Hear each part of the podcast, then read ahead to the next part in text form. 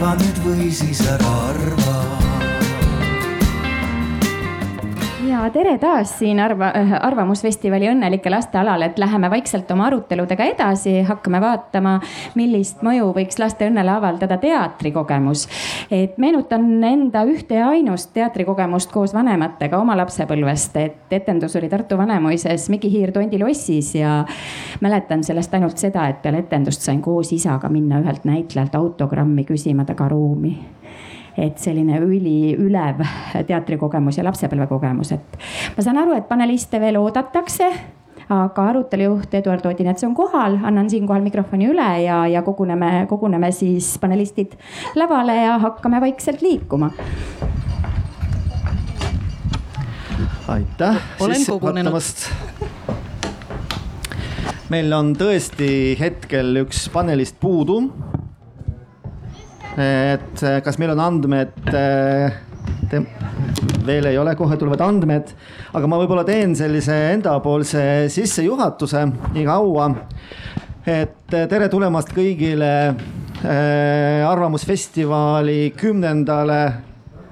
äh, Arvamusfestivalile, et meil on äh, kümnes äh, juubelifestival, et see on väga tore ja eriti tore on minul isiklikult, sest ma viibisin ka päris esimesel Arvamusfestivalil ja osalesin ka siis äh, arutelus ja oli päris põnev. ja oli rõõm ja õnn näha, kuidas see arutlemise kultuur ja Arvamusfestivali kultuur on meil eh, siin Paides ja Eestis laiemalt arenenud ja, ja ma usun, et kes, kes on mitmel korral käinud, võivad kinnitada ka minu sõnu, et, et see areng on märkimisväärne olnud. mina olen äh, Eduard Odinets. Äh, ma hetkel olen Riigikogu liige, aga minu karjäär, äh, minu esimesed töökohad, kõik on alanud teatrist ma küll ei ole ise ei näitleja ega lavastaja, ma olen pigem teatri administraator olnud, aga see pisik armastus teatri vastu ja eriti selle teatri vastu, mis teeb kunsti lastele ja noortele, on mul aastaid ja aastaid ja ütleme niimoodi, et lapsepõlvest saati. et olen ka mina käinud kogu oma teadliku elu teatriringis ja võib naljaga pooleks öelda, et käin siiamaani, et mis see üks poliitika on, eks ju, üks suur teater. et aga see teatriringis osalemine, teatrit teatri tegemine on tegelikult andnud minu elule, ka tulevasele elule päris palju. kust see muidu tuleb selline oskus mikrofoni hoida ja inimeste ees rääkida ja, ja küll närv on sees loomulikult, et aga mitte selline närv, et ma täiesti eesti keele ära unustaks. et aga nendel teemadel me täna räägime ja meie tegelikult pealkiri, koondpealkiri tänasele arutelule on teatritempel ja, ja tempel äh, selle sõna kahes erinevas tähenduses. ühelt poolt äh, teater kui pühamu, midagi tähtsat, midagi olulist, midagi püha.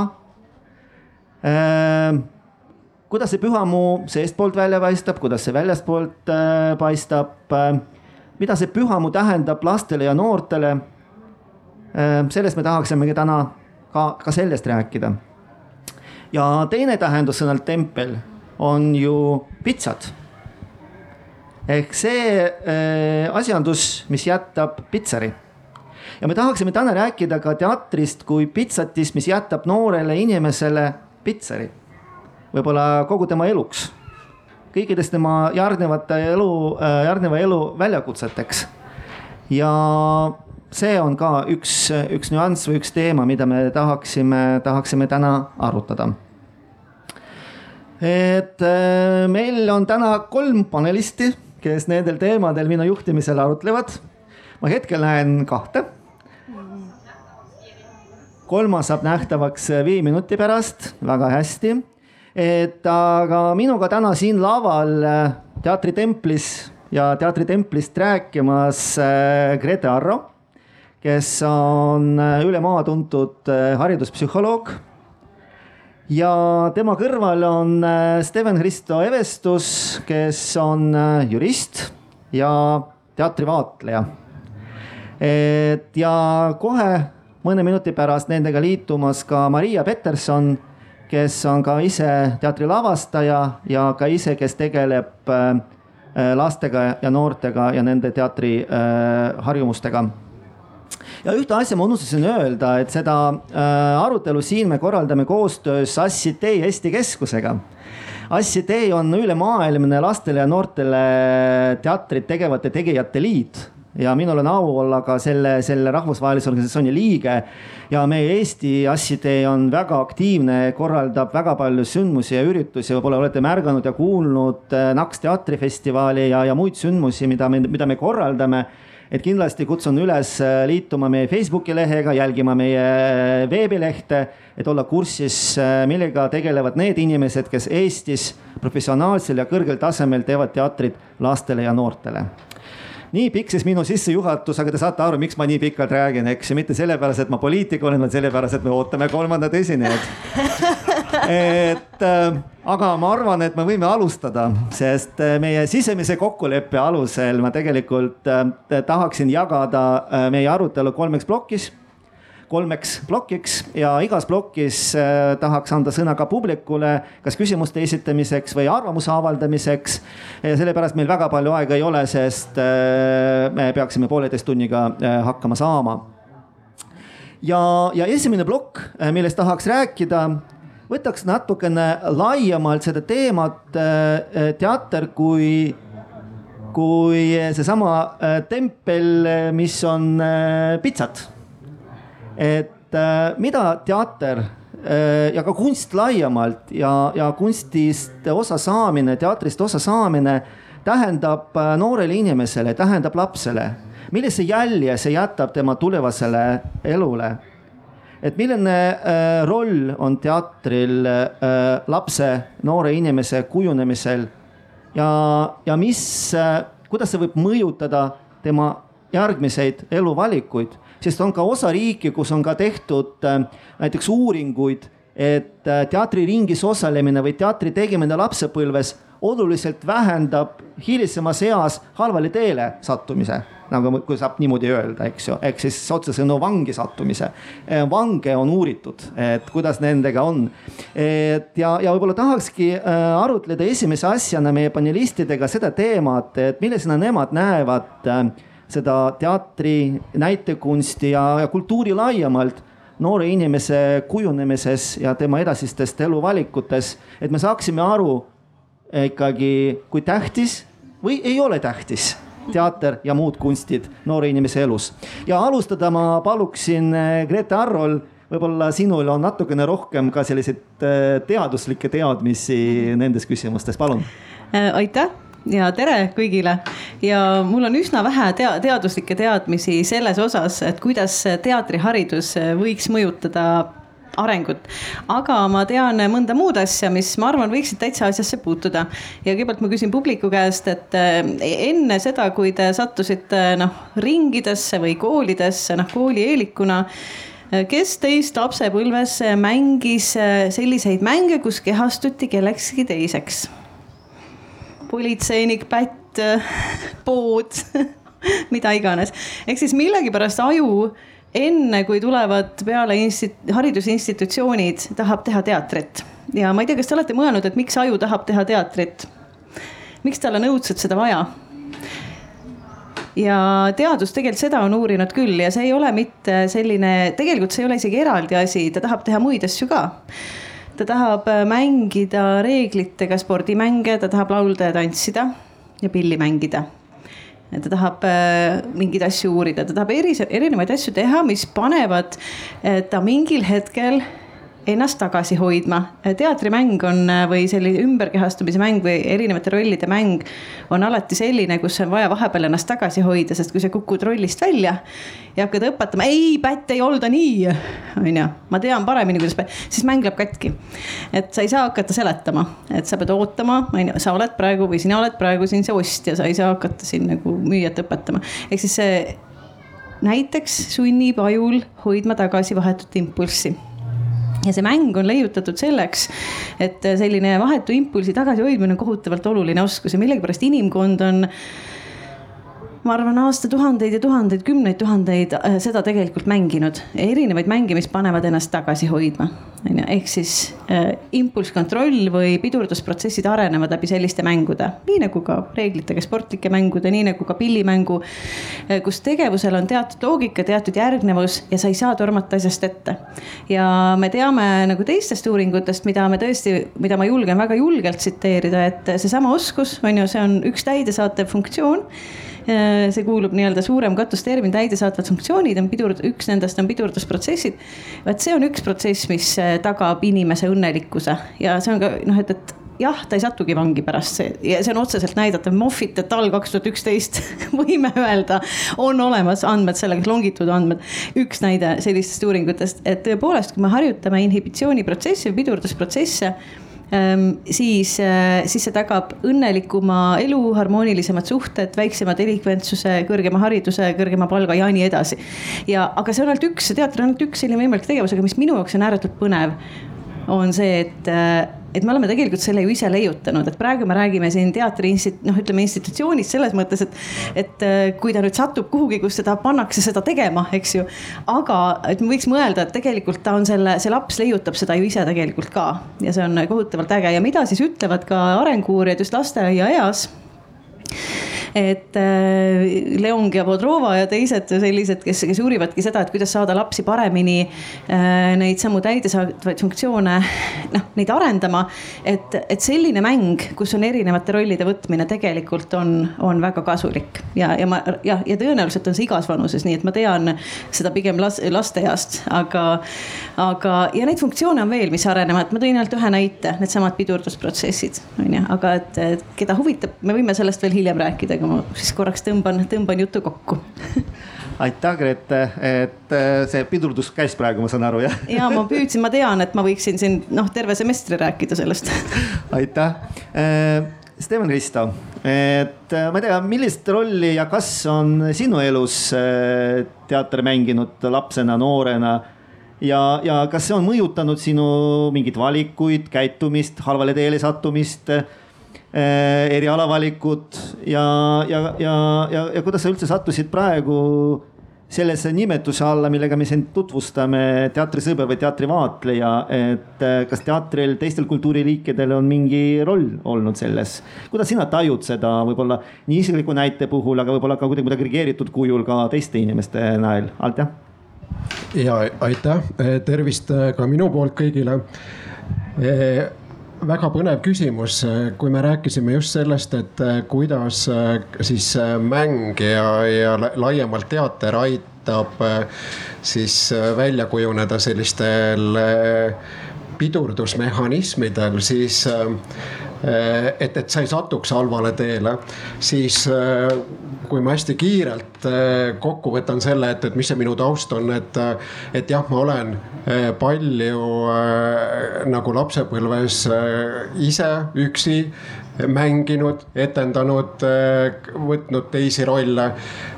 tegelenud kooliteatriga ja siis lõpuks on minust kujunenud selline inimene, et, et halvale teele ma ei läinud, ma läksin hoopis süüdistajaks, eks ole, et hakkasin, hakkasin vastupidiselt tegelema nendega, kes on halvale teele läinud, et. et võib-olla äkki oli tõesti siis nagu äh, sellel lapsepõlvel, mis oli väga palju seotud teatriga, mingi otsene mõju sellele, et äh, sellele, millise äh, siis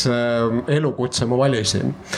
aga see selleks, et võib-olla lihtsalt äh, natukene ka üldisemalt, et äh, et mul ei ole tõepoolest nagu seda kokkupuudet, et ma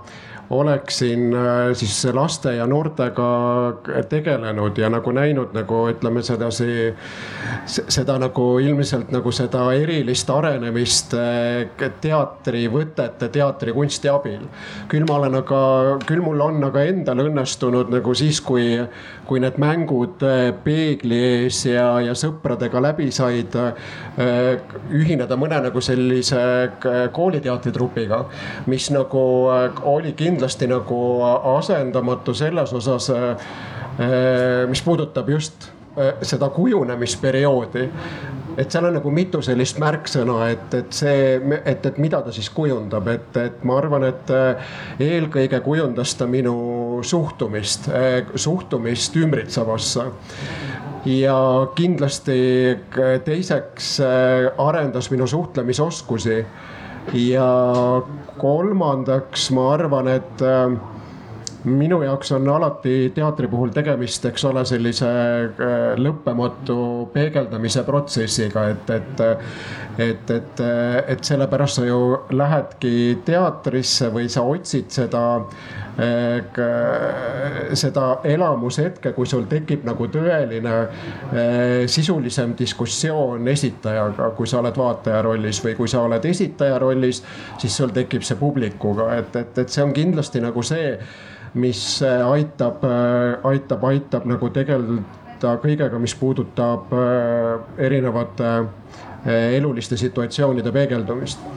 Aga võib-olla tasub veel kokku võtta sellega, et, et miks nagu, miks miks see noortele on nagu just lastele, noortele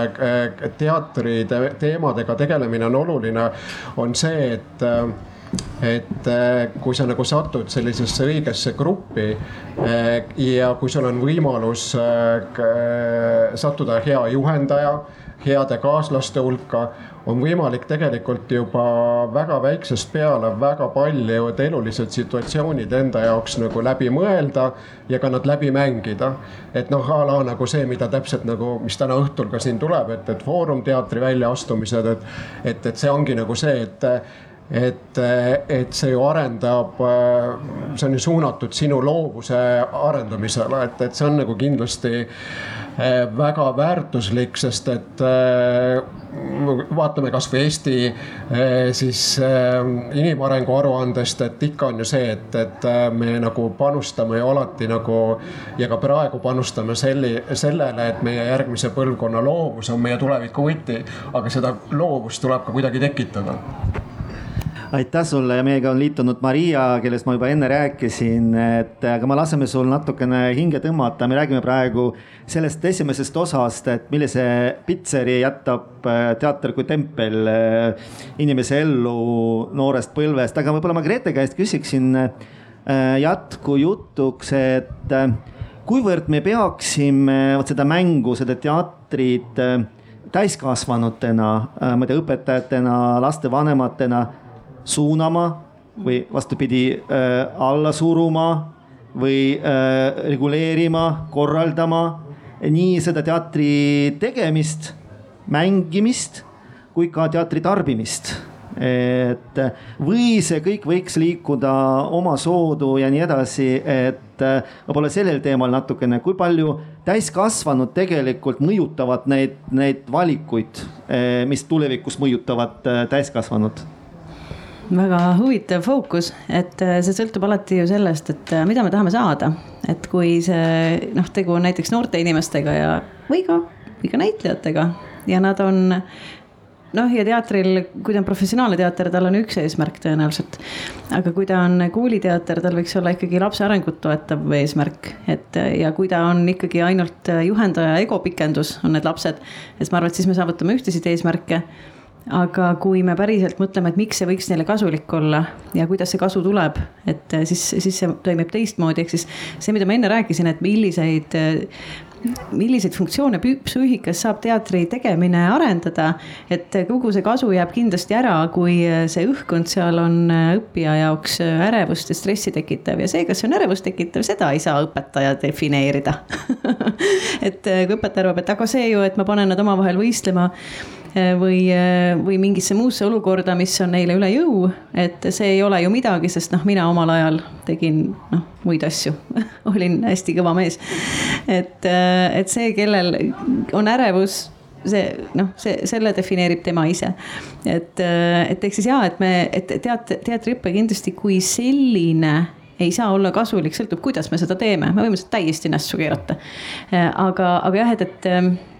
et ma usun, et suunamine kui selline võikski olla, kui me räägime noortest, on ju, kelle puhul ei ole oluline, et neist saaks professionaalsed näitlejad, on ju, vaid et nad saaksid õnnelikeks inimesteks. et, et võikski see suunamine lähtuda sellest, et millisel viisil selle, selle õppe tegemine tegelikult neid arendab, et kas meil on need eesmärgid silma ees. et seesama välja toodud, hästi palju tuuakse välja, et suhtlemisoskused arenevad, eks ju, või selline esinemisjulgus, aga sama, samas me peaksime ka aru saama, et, et see, et teismelised ei taha, enamik ei taha väga esineda, on väga normaalne asi et me ei pea nagu ütlema, et noh, et, et kui ta noh, pigem on eristuv see, kui ta tahab või harva esinevam. et, et noh, et peakski aru saama sellest, et ei, kõik ei peagi midagi sellist tegema, aga võib-olla teatriõppes on midagi ka nende jaoks, kes võib-olla siis ei, ei ole kusagil esiplaanil. aga just need teised asjad, seesama mm, pidurdus seesama eri rollidesse minek, eks ju, maailma eri vaatenurkadelt nägemine, et see on asi, mida oleks tegelikult kõigile õppijatele vaja, ka nendele, kes ei ole teatriringis. et võib-olla teatriõppes on elemente, mida võiks üle kanda äh, tavakooli aga, aga jah, et, et seega ma arvan, et jah, et me peaksime teatud mõttes suunama, aga et seal on ilmselt asju, mida võib-olla ka õpilased saavad ise pakkuda ja mida kindlasti ei peaks pärssima, et kui neil tulevad, et seesama loovuse areng, areng, arendamine võiks olla küll üks osa ja äh, Steven soovib lisada. ja ma ühe mõtte siia vahele ütleksin, et eks see äh, vastutuse teema kindlasti on nagu oluline. et see, mul tuli lihtsalt meelde nagu, mis praegu viimasel ajal olnud on, kui räägitakse laste teat-, lastele mõeldud teatrist ja laste teatri vaatamise har,, harjumise kujundamisest. et, et, et ikkagi tuuakse näiteid ja olen seda ka ise näinud, et kus nagu et, ähm, vanemad näiteks, kes lapsega, lapse viivad sellele teele, tegelevad nagu seal kõrval võib-olla kõige muuga. et näiteks noh on kuskil nutitelefonides ja nii edasi, sellest on nagu räägitud. et siis see nagu tekitab, et, et see täiskasvanu ei võta seda vastutust, ei ole kaasas nagu samal hetkel. see oli ka nagu praegu täpselt see näide, et kui on nagu juhendaja, et kui sellel juhendajal on omad mingid muud ambitsioonid või, või ta ei ole nagu täielikult kohal et noh, et, et, et see vastutus ikka mingil kujul seisneb ka nendes inimestes, sest et ega see laps nagu paljalt nagu selle laps, noor nagu selle teatriga nagu üksi nagu kaugele ei jõua, sõltub ikkagi sellest täiskasvanu suuna juhendumisest. aitäh selle täienduse eest, aga ma tegelikult nüüd Mariat kasutades võib-olla annaks talle sõna ja võib-olla ei räägiks nüüd hetkel äh, lastest kui teatri tegijatest või mängijatest, eks ju, see võib-olla, millest Grete rohkem rääkis vaid äh, lastest ja noortest kui kultuuritarbijatest, teatritarbijatest, eks ju, et ka ju need valikud, mida teevad ju täiskasvanud millist teatrit laps näeb, millal näeb, mis kujul, eks ju et äh, kas me, kas me ka siin täiskasvanutena, õpetajatena, vanematena peaksime ikkagi endale aru andma nii-öelda, et mida me teeme ja kuidas see last mõjutab. et milline on, on sinu seisukoht? Minu seisukoht on, et äh, muidugi on hea kogu aeg aru anda endale, et mida me teeme. et äh, aga selles mõttes, et ma arvan, et näiteks minu laps äh, on käinud alates kuuendast eluaastast vaatamas ka kõiki täiskasvanute tükke äh, ja saanud nendega ka kontakti, sest et äh, lapsel on selline hea võime elada sisse sellesse loosse. ja ta teinekord saab sellest loost isegi paremini aru kui mina, sest et mina hakkan vaatama seal mingeid teisi kihte, aga tema vaatab puhtalt seda lugu. ja eks me pärast arutame ja räägime need asjad läbi, et mis ta aru sai ja kuidas ta aru sai, aga aga ja, et äh, ma ei tea, kas ma just olen ise ka mõelnud, et ka selline last, näiteks mina ise lapsena kõige hullem, mis võis minuga teha, oli viia mind Nukuteatrisse, sest et äh, see oli kohutav nagu noh, ma lihtsalt ei suutnud neid lastetükke vaadata. et, et see võib olla niimoodi, et neid lapsi on veel, kes tahaksid vaadata niimoodi, et neisse suhtutakse ikkagi nagu väärikalt ja Grete soovib täiendada. mulle õudselt meeldis, kuidas Maria ütles, et te arutate pärast, et ma arvan, et see ongi see põhipoint on ju, et kui see vähegi kõnetab, on ju, et aga, et, et äkki asi polegi ainult selles, et ta kogeb seda, aga ta peaks seda kogemust ka mõtestama ja selleks on kindlasti täiskasvanuid vaja. aga teine mõte, mis mul lihtsalt tuli meelde praegu, et just kuna me ka lavakas noh, natuke psühholoogia aineid loeme ja siis nagu lavaka poolt tuli ka meile selline küsimus, et kuule, et see, kuidas me näiteks üldse tänases Eesti teatris kujutame psüühikat või psühholoogiat või inimese nagu noh, ütleme, et see on tegelikult ma sain aru, et nemad äh, on kinni umbes saja aasta taguses ühes väikeses teoorias. ja arvavad, et see ongi psühholoogia või psüühika, et see ongi inimene, noh ajalooline noh selline eksisaam või noh, freudism on ju. et, et midagi muud me psüühikast ei tea ja see väljendub ka sellest, millised on tükid, millises, millisena me kujutame inimest teatris. et, et võib-olla siin on ka nagu see, et et, et, et noh, minul tekkis kohe küsimus, et kuidas me siis,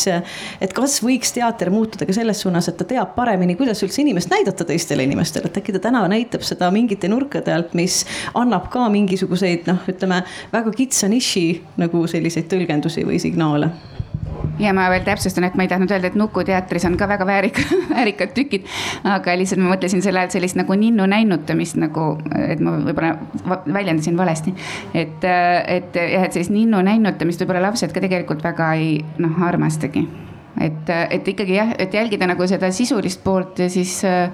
et kui endale täiskasvanuna tunned, et suudad selles dialoogis olla lapsega sellel teemal, et siis ma arvan, et tasub minna koos lapsega vaatama.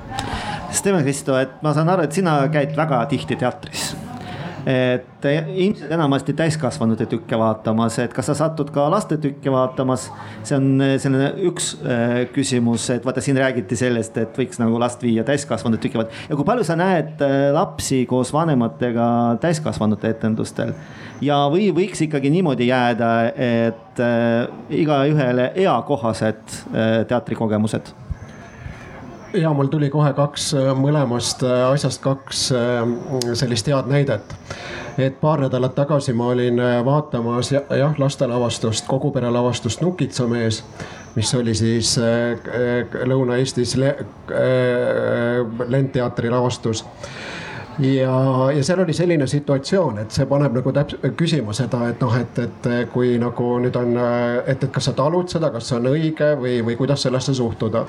et eh, minu selja taga oli, muidu olid, olid, olid lapsed kõik rahulikud, kuulasid, jälgisid aga selja taga oli siis eh, laps vanematega, kes siis iga situatsiooni peale siis eh, küsis, aga nüüd ta võtab selle aga ta teab, et aga seal on nagu see või et, et et tal kogu aeg nagu see ettekujutus nagu äh, juba jooksis edasi, ta nagu mõtles, mis tuleb.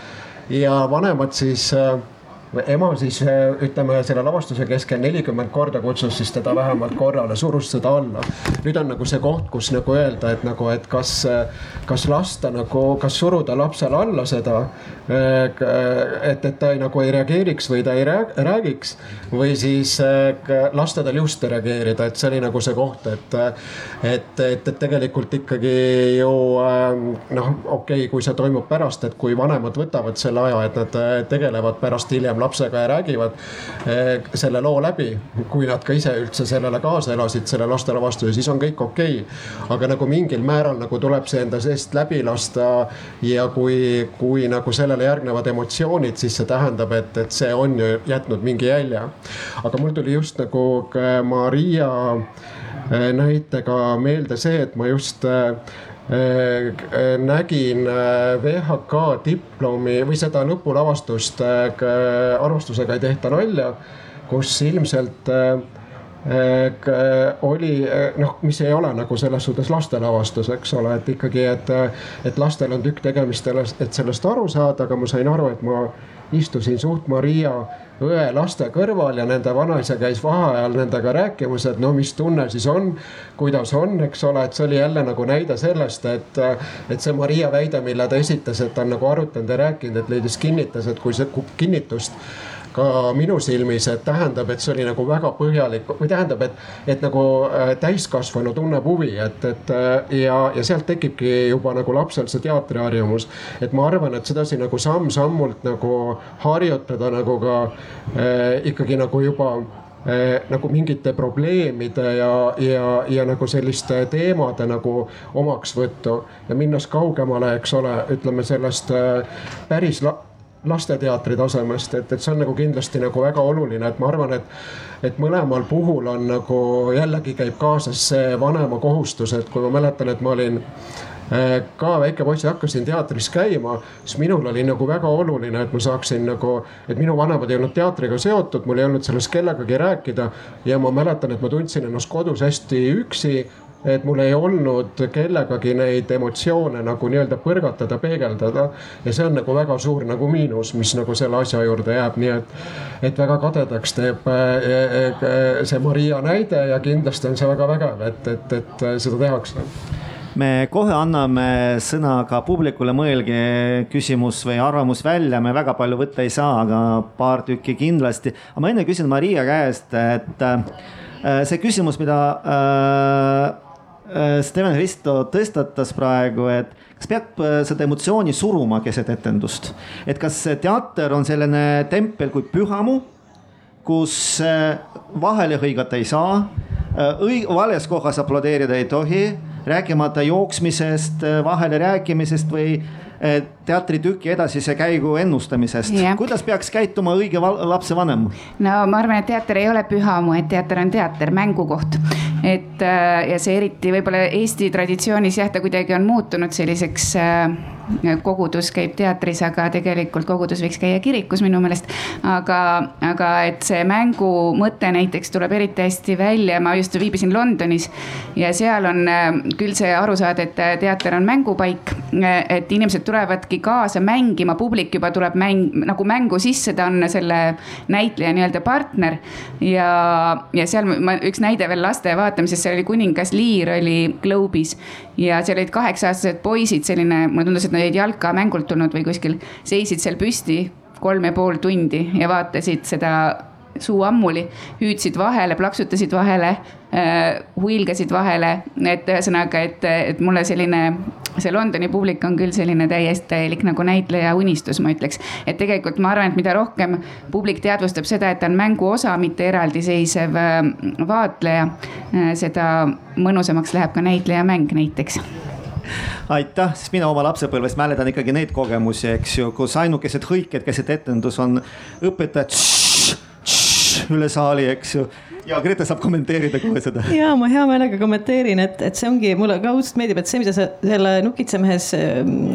nukitsemest vaadanud lapse puhul kirjeldasid, et fantastiliselt äge ju see, mida ta tegi. et see, et ta mõtles kogu aeg kaasa ette, et ta oli nagu nii selle tüki sees. kui meil on juhtumisi see norm on ju, et on ju, olge vait, et siis see on nagu näide sellest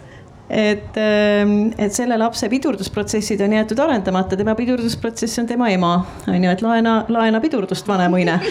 et äh, ja nii ongi, me laenamegi oma lastele oma küpseid täidesaatvaid funktsioone alguses. ja kui meil juhtumisi tõesti see norm, et okei okay,, praegu on matus, on ju, praegu ei kommenteerita. et noh, meil on, et teater võib-olla ei ole aga on kohti, kus peab olema vait, on ju. või et okei okay,, kellelgi praegu tuleb kohe elamus üles, et ärme teda, ärme siis lõhu tal seda. et, et,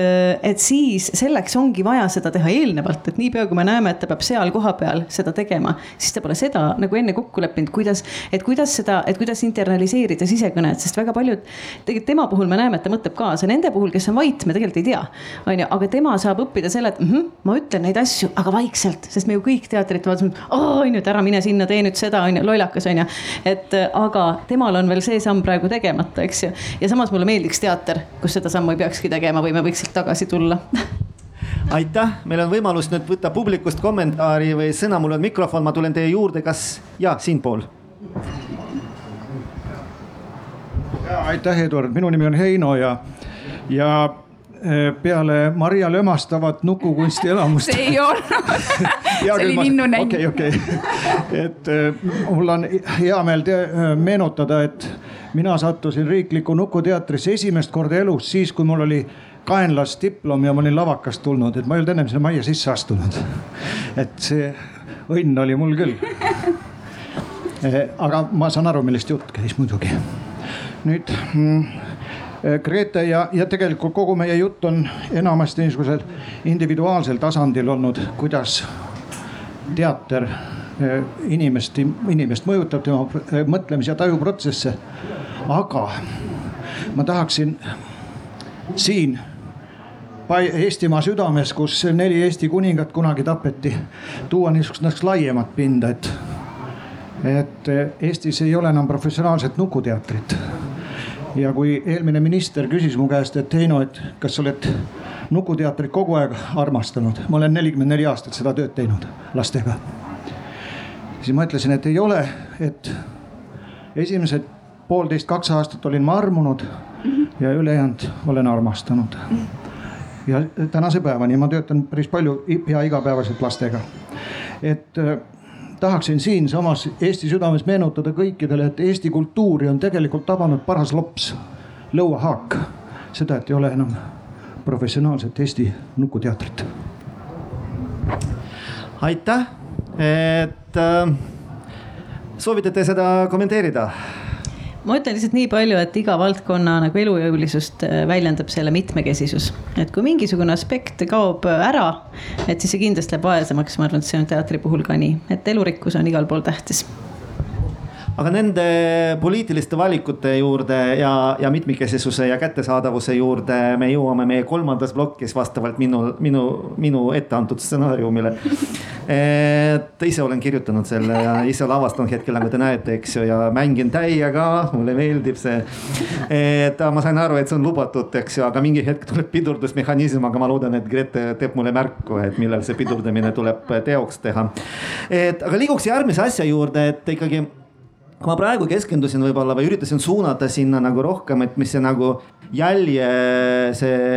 eh, teatritempel jätab inimese eh, elule eh, kujunemisele ja, ja kuidas see teatri tarbimine võib-olla mõjutab või, või mingit sellist asja siis nüüd võib-olla rohkem äh, järgmise äh, kahekümne minuti jooksul keskenduks sellele, et kui lapsed ise teevad teatrit, eks ju. et see on see tegelikult äh, see, mis toimub selle haridustee, teekonna osana, eks ju. et noh, me teame, et meil on väga paljudes haridusasutustes ehk siis koolides on olemas näiteringid, draamaringid, teatriringid on olemas teatriõpe, draamaõpe, need nimetusi äh, on väga erinevaid. minu küsimus teile nüüd järgmiseks aruteluks äh, et kas see äh, teater, draama, näitekunst, ükskõik kuidas me seda nimetame, kas see peaks kuidagimoodi olema kohustuslik osa kooli õppekavast? kas iga laps peaks saama osa sellest? kas see peaks olema selline teatri mõtestamise kursus? Või see ilmtingimata peaks olema teatri mängimise kursus. et äh,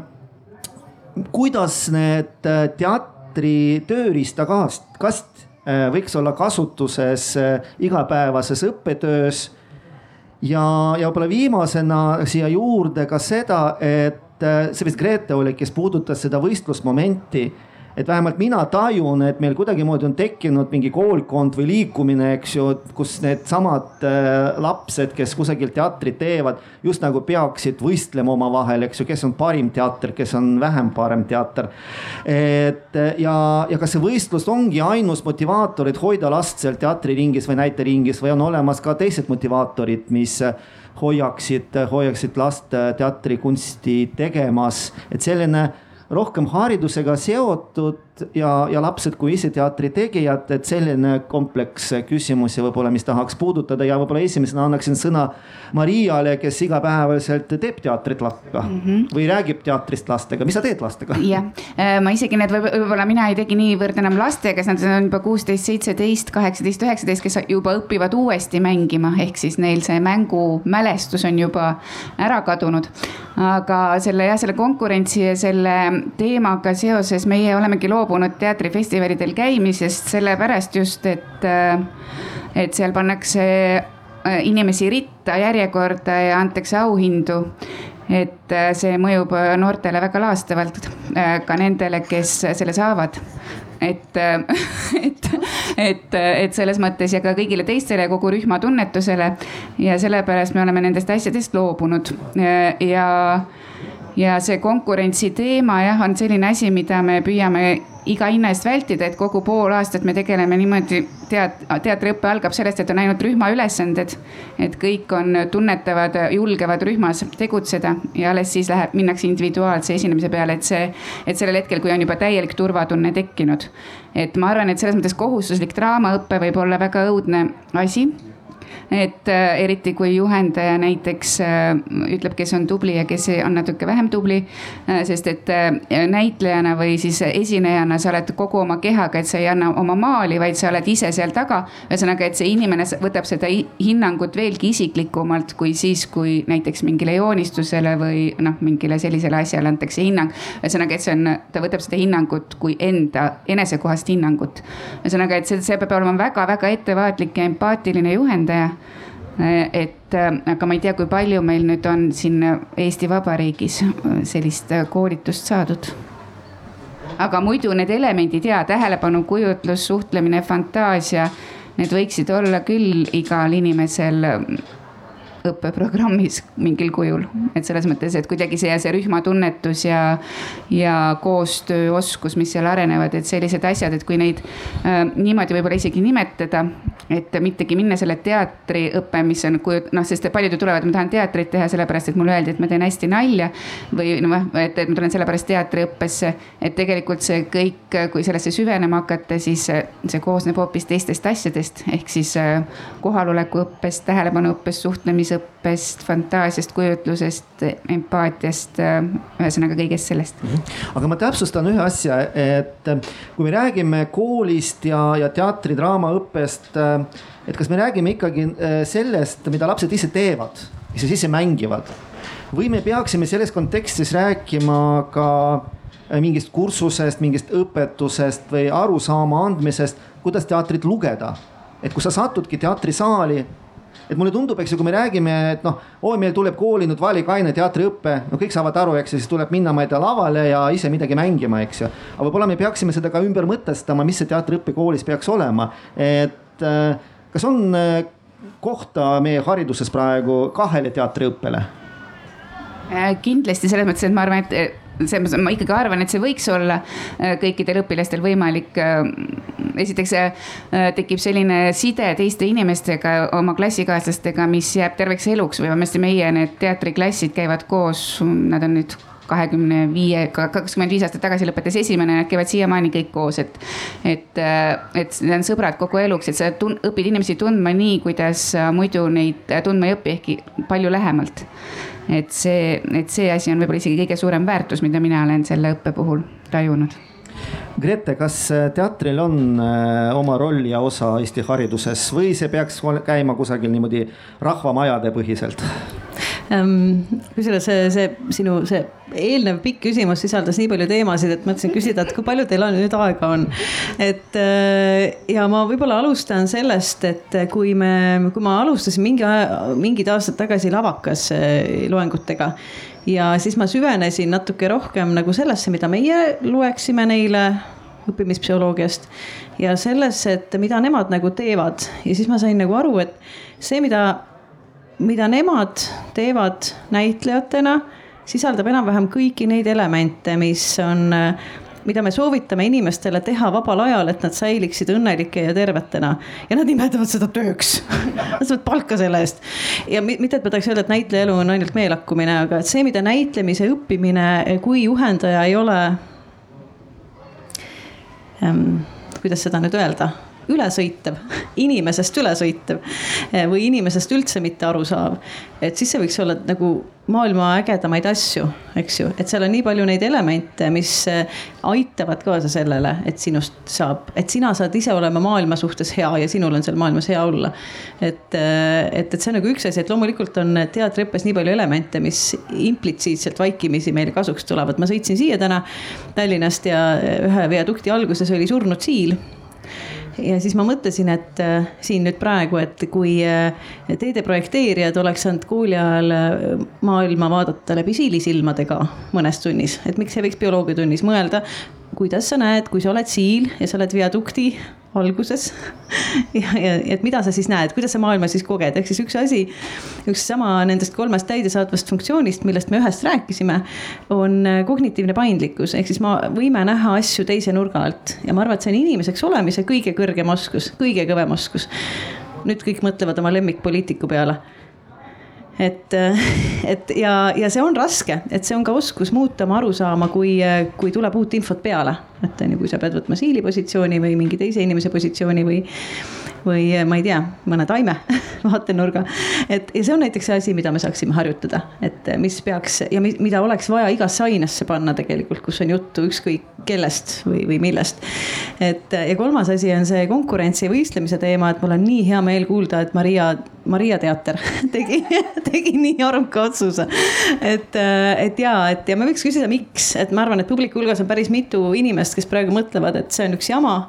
et võistlemist, noh muidu nad ei tee üldse midagi ja, ja, ja ma saan aru sellest kriitikast, kriitikale võistlemise vastu. aga võiks korraks mõtelda, et miks, miks on see halb õppijale, kui ta õppimise ajal pannakse võrdlusesse teistega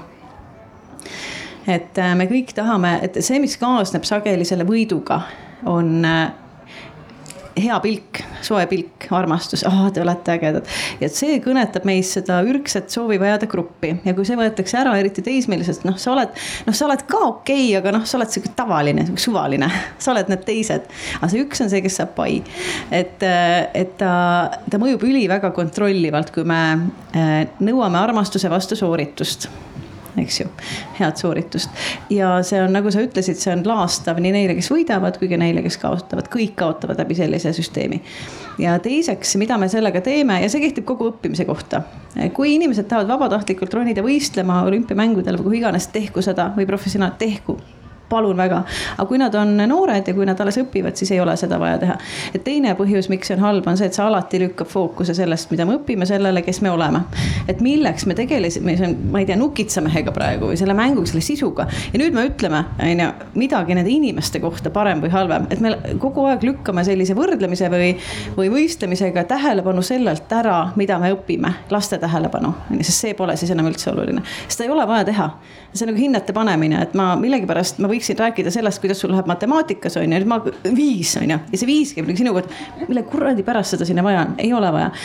et, äh, et ja me ise lülitame nende tähelepanu ebaolulisele isik nagu sisult isikule, et seda ei ole tarvis teha, ma arvan ka teatriõppes, aga mis võiks olla alternatiiv näiteks meistriklassid, tuleme kokku kord aastas, teeme meistri, teeme üksteisele oma etendusi. pärast iga etendust kõik lapsed analüüsivad, soovitavad üksteisele, et seal ei panda järjekorda, noh, et nagu no muusikutel on ju sellised asjad, me kokku, me õpime koos. näiteks võtta mingi teema, kuidas väljendada mingit asja, noh see võiks ju selline väljend olla. me käimegi Prantsusmaal, käime ühel teatrifestivalil, kus nad tehakse siis prantsuse keeles, mängivad siis keeleklass ja teatriklass koos Vanalinna hariduskolleegiumis. nüüd ei ole koroona tõttu saanud käia, aga seal on ka niimoodi, et erinevatest riikidest on noored koos, kohtasid ei jagata, mängitakse prantsuse keeles etendusi. ja pärast tulevad kõik kokku ja siis äh, arutavad ja noh, ütleme siis see prantsuse temperament on selline, et nad tõesti arutavad, küsivad, kiidavad, tunnustavad, äh, jagavad oma mõtteid, et ühesõnaga tekib selline hästi-hästi mõnus mõnus atmosfäär noorte enda vahel. ja hästi selline suur sõprus, et see, et mitte ei piiluta, et kuidas sul läks ja kuidas tal läks ja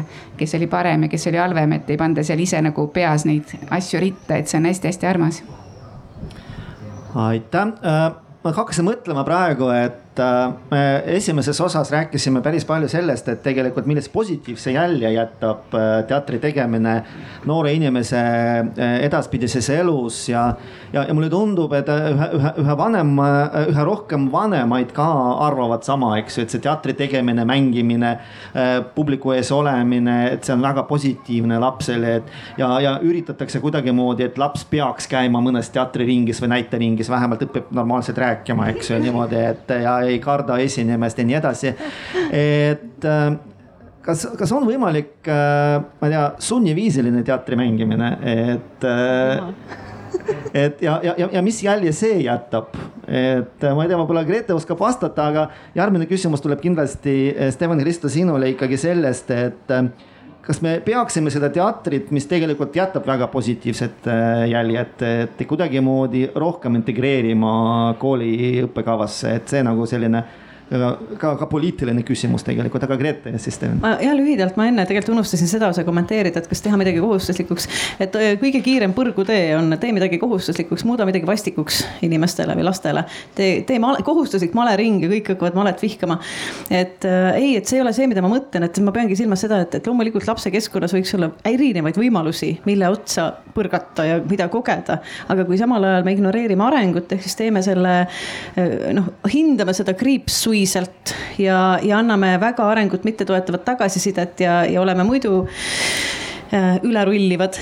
et, et siis ei, et siis pigem ma hoiaks neid kasulikke asju just võimalikult eemale koolist. et ma nagu kardangi, et kui head asjad lähevad koolisüsteemi sisse, siis nad muutuvad hästi ruttu vastikuks neile. aga et, et jah, et need, need elemendid loomulikult võiksid seal olla, kui me oskaksime neid õigesti ja mõnusalt õpetada, aga kohustuslikkus on jah, kindlasti igasuguse huvi surm alati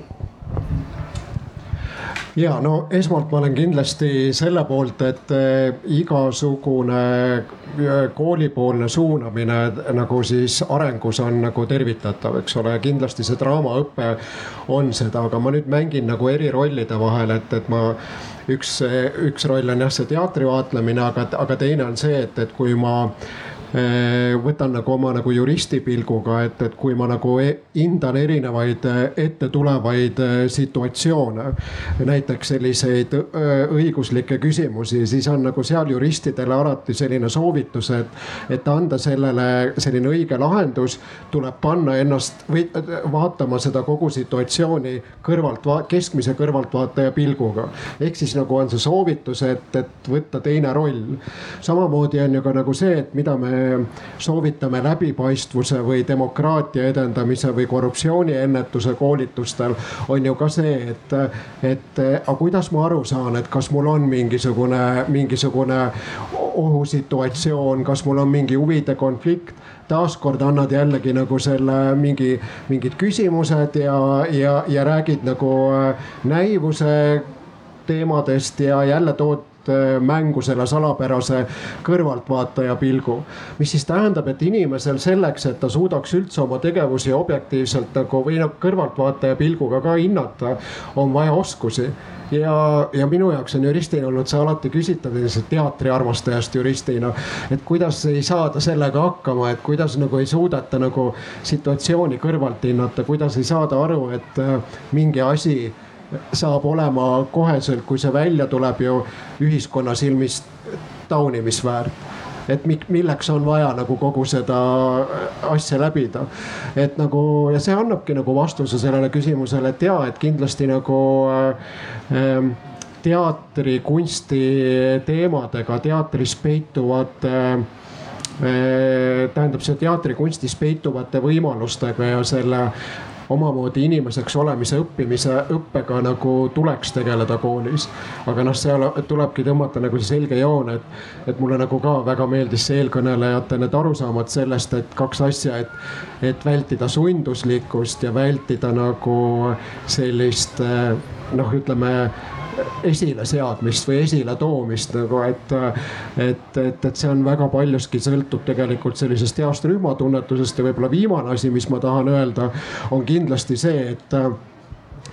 et nii tugevad eelised on teatri tegemisel rühmades, et nagu äh, see tõepoolest jätab nagu eluaegsed nagu sidemed ja, ja see viib nagu nende partnerite, kes on sul sel hetkel olnud nagu äh, kõikide puhul nagu selliste, sellistesse sügavustesse rännakule, et, et äh, et kui sinna vahele tulevad mingisugused veel mingisugused äh, võistlemised ja, ja, ja, ja nii-öelda nagu äh, võetakse üksteise äh, kõrval seal mõõtu, et see on loomulikult hävitav selle juures, et see peaks olema väga läbimõeldud, igasugune kriitika võib olla ka nagu väga-väga-väga hävitava mõjuga ja kahjustava ja nulliva mõjuga kõige selle juures jaa, äh, õigus, aga samas meenutades jälle oma äh, lap, lapsnäitleja karjääri, eks ju. ikka ülimalt meeldiv olla mingi laste teatrifestivali parim meesnäitleja, et, et see ikkagi annab sulle ikkagi noh, et kaalu juurde, ütleme nii, äh, järgnevates proovides. aga ma küsin veel sellist asja siia juurde, et võib-olla Grete käest niimoodi, et kas äh, iga õpetaja sobib äh, teatriõpetajaks? ja Maria käest, kuidas meil ikkagi olukord on äh, nende õpetajatega, kes on võimelised ikkagi seda. no ma ei tea, ei saa öelda õiget või, või normaalset või noh et äh, teha neid asju õigesti, et see, see jälg, mis me jätame lapsele, oleks ikkagi positiivne teatrit tehes, ma ei tea. Et kas iga õpetaja sobib teatriõpetajaks, ma arvan, et iga õpetaja ei taha teatriõpetaja olla. et, et ta peaks ka tegema seda, mida ta ise tahab, aga et, et ma arvan, et iga õpetaja peaks teadma millised tegevused, mis asjad on need, mis arengule hästi mõjuvad. Ja osad nendest tule, on ka väga tugevalt äh, igasugustes äh, noh, ütleme teatri, kuidas öelda, sellistes noh komp, need komponendid, mis moodustavad ühe teatri tegemise, et äh, nendest on väga paljud tegevused arendavad ja noh, et, et me teame ju seda, et neid samu, sedasama kognitiivset paindlikkust saab arendada igas tunnis, on ju, matemaatikatunnis sama hästi, eri objekti eri nurga alt vaatamine on sama, mis siili rolli võtmine või kurjategija rolli võtmine, eks ju. et aju jaoks on see suhteliselt sama, on ju, tegevusprogrammide vaheldamine, et kes mida ütleb, mis järjekorras, dialoogi pidamine pidamine, see on ka üks komponent on ju, neid asju võib, või võiks ju kõik teha. et äh, aga jah, et ma arvan, et äh, jah ähm, minu jaoks on ikkagi tähtsam see, et ta saab aru sellest arengust, et tema jaoks on fookuses äh, selle õppija heaolu üle kõigi teiste eesmärkide. miks ma seda niimoodi küsin, eks ju, võib-olla naljakalt, et mulle tundub, et ma olen korduvalt ja korduvalt üle Eesti erinevates koolides näinud neid näiteid, eks ju. et meil lastel on vähe ringe, teeme ühe ringi juurde. Oh, teeme näiteringi, eks ju, niikuinii, et noh, nii lihtne on, eks ju, kes hakkab juhendajaks kellel on kõige vähem koormust, on vaja palgaks natukene juurde anda ringitasu, eks ju, et noh. ma usun, et, et me kõik oleme neid näiteid näinud küll ja küll, eks ju, sellepärast oligi see küsimus, kas igaüks sobib. aga Maria, kuidas meil tegelik olukord on sellega ja kas me peaksime selliseid minu kirjeldatud situatsiooni üldse lubama? Äh, ma arvan, et me ei peaks seda lubama, sest et äh, mulle tundub, et üks hästi oluline asi selleks, et olla hea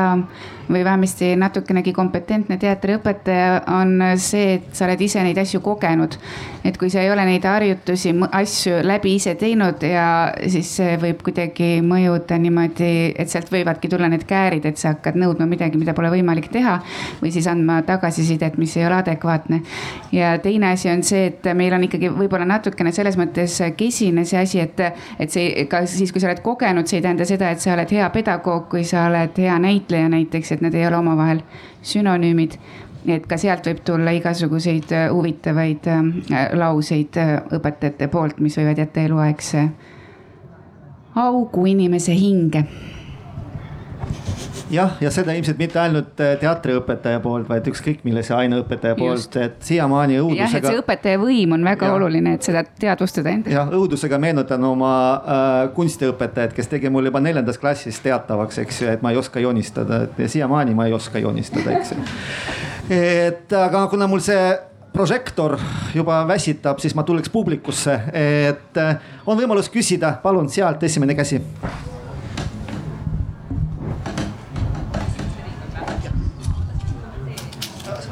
ah,.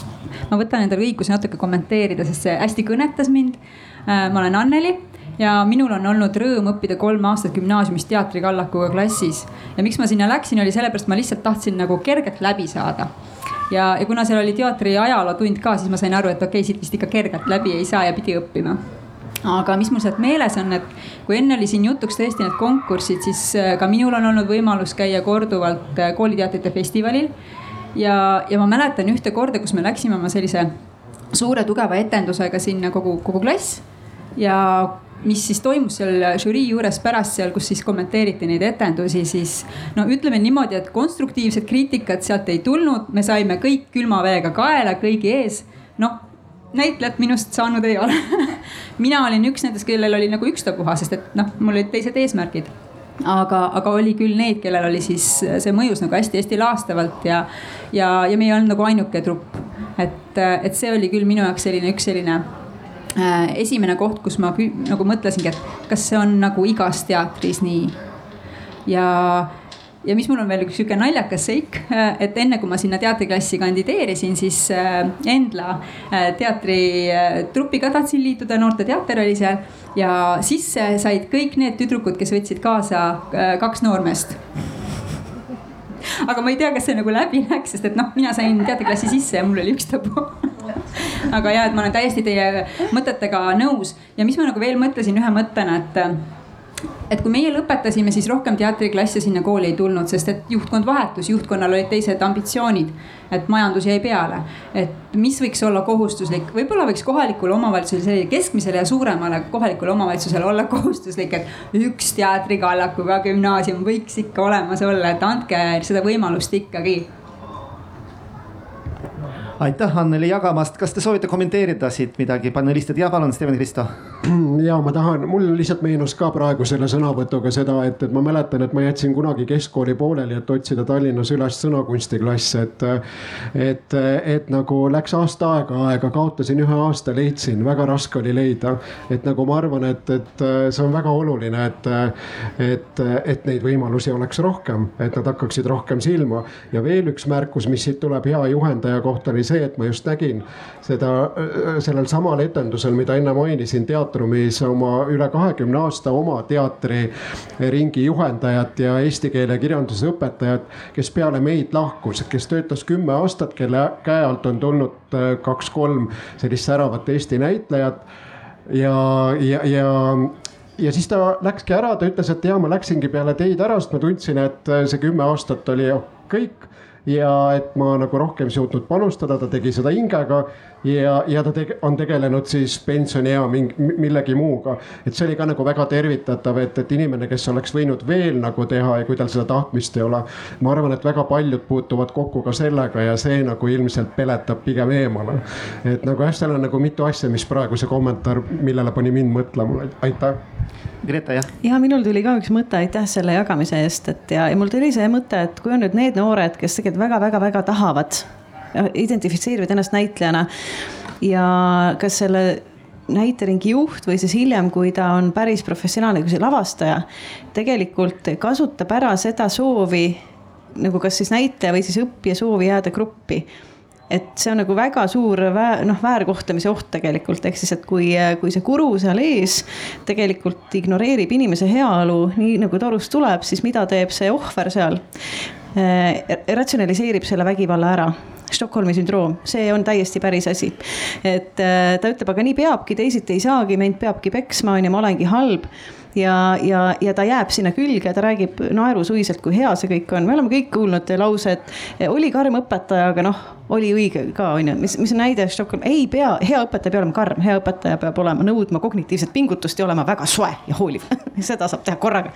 et ehk siis, et ma näen, et siin, siin on need ohud, et, et ikkagi see kõige tähtsam on see, et, et, noh, et et ka tema professionaalsuse osa on see, et hoida äh, seda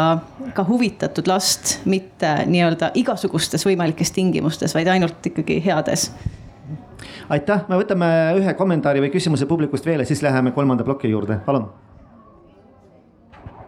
et mina tunnen juba kohustust siin sõna võtta, sest mina olen see, kes õpetab Eestis äh, draamaõpetajaid või, või annab seda draama õppekursust, et, et siis pean ka väikese siin loengu. mul on väga hea, et te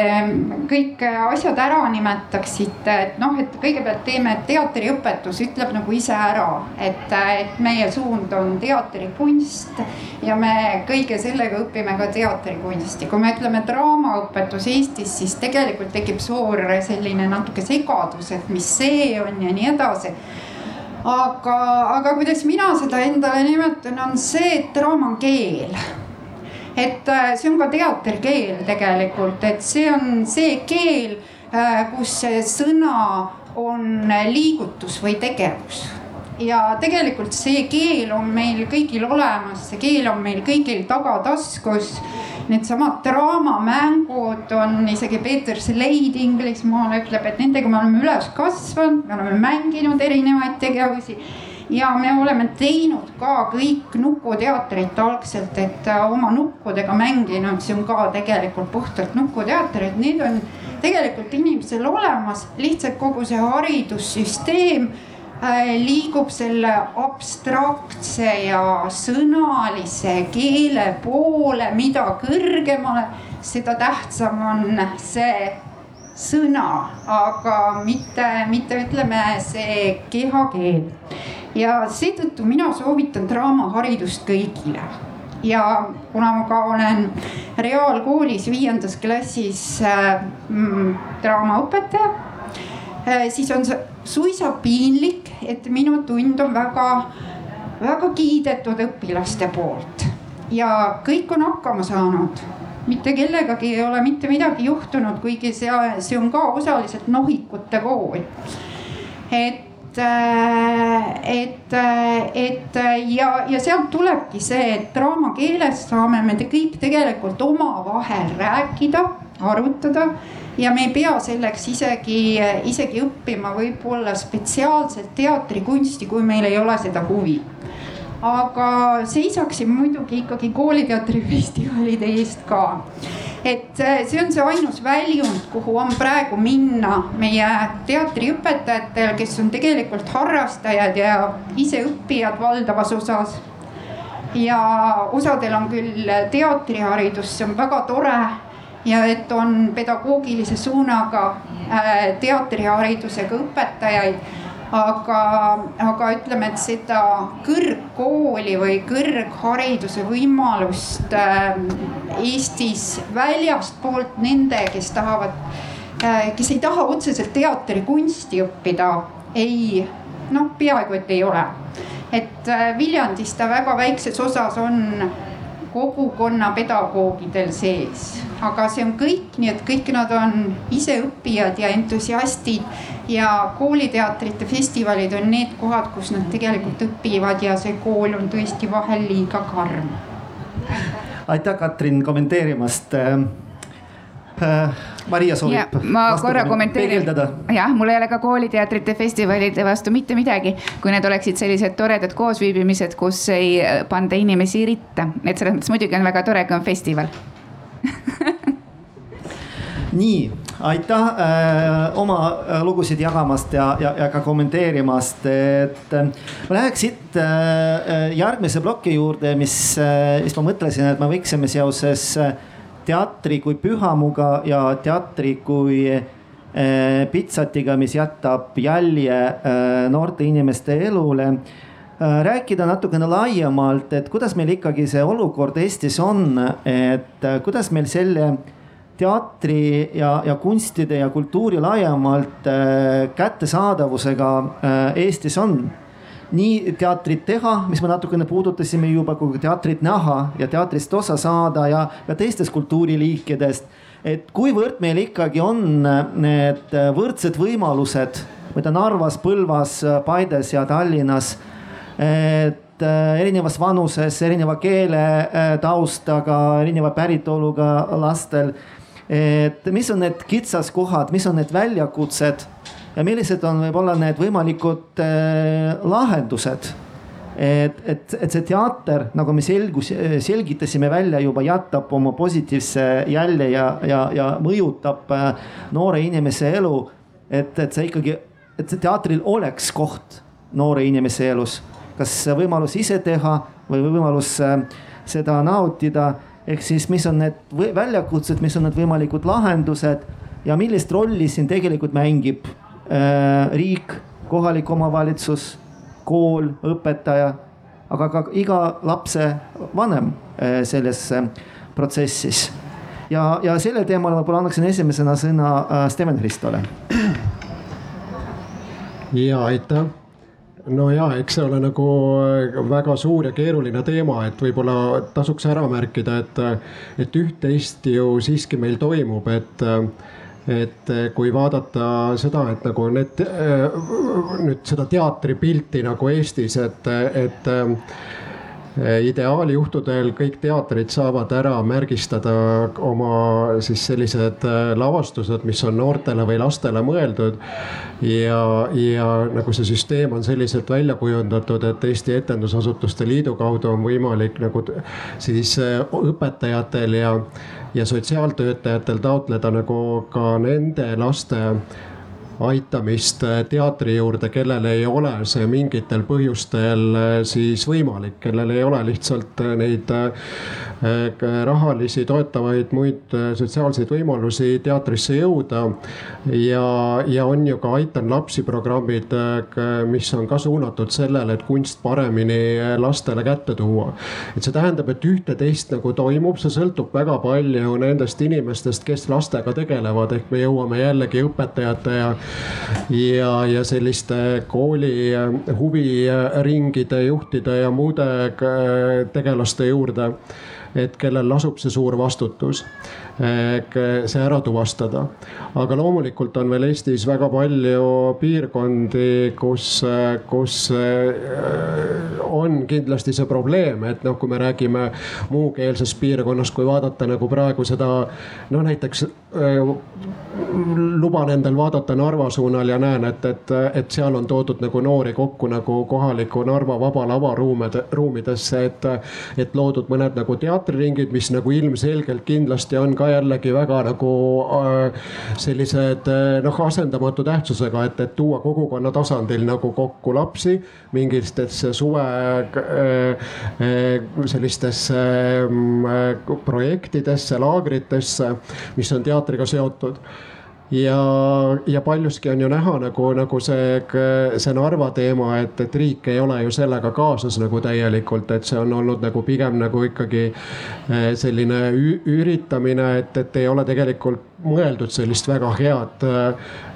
realiseeritavat plaani välja. Ja, ja noh, muidugi on nagu kindlasti, kui rääkida sellest, et, et kellel veel see kohustus nagu lasub et eks ta lasub nagu, äh, kui meil ei ole nagu sellist üleüldist äh, teatriõpet nagu sisse viidud, siis äh, paljuski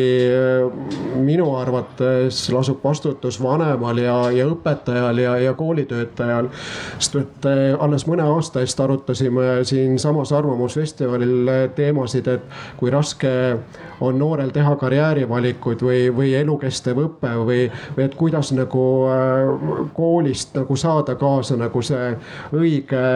hoog, et, et, et elus nagu äh, sellisel äh, õigel kohal äh, nii-öelda siis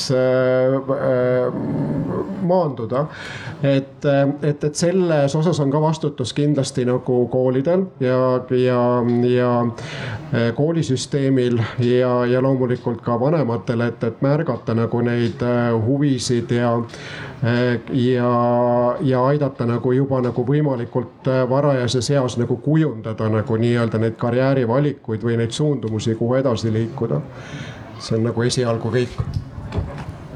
aitäh, Grete, kuidas sulle tundub, et eh, kas kultuur on meie lastele kättesaadav? ma korra juhin tähelepanu, seal on üks küsimus, kas, kas te tahate kohe selle? meil küsimuste plokk tuleb hiljem, aitäh. Äh, mul tegelikult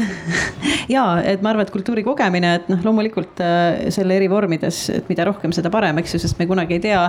millise asja vastu keskkonnas põrgates laps leiab oma huvi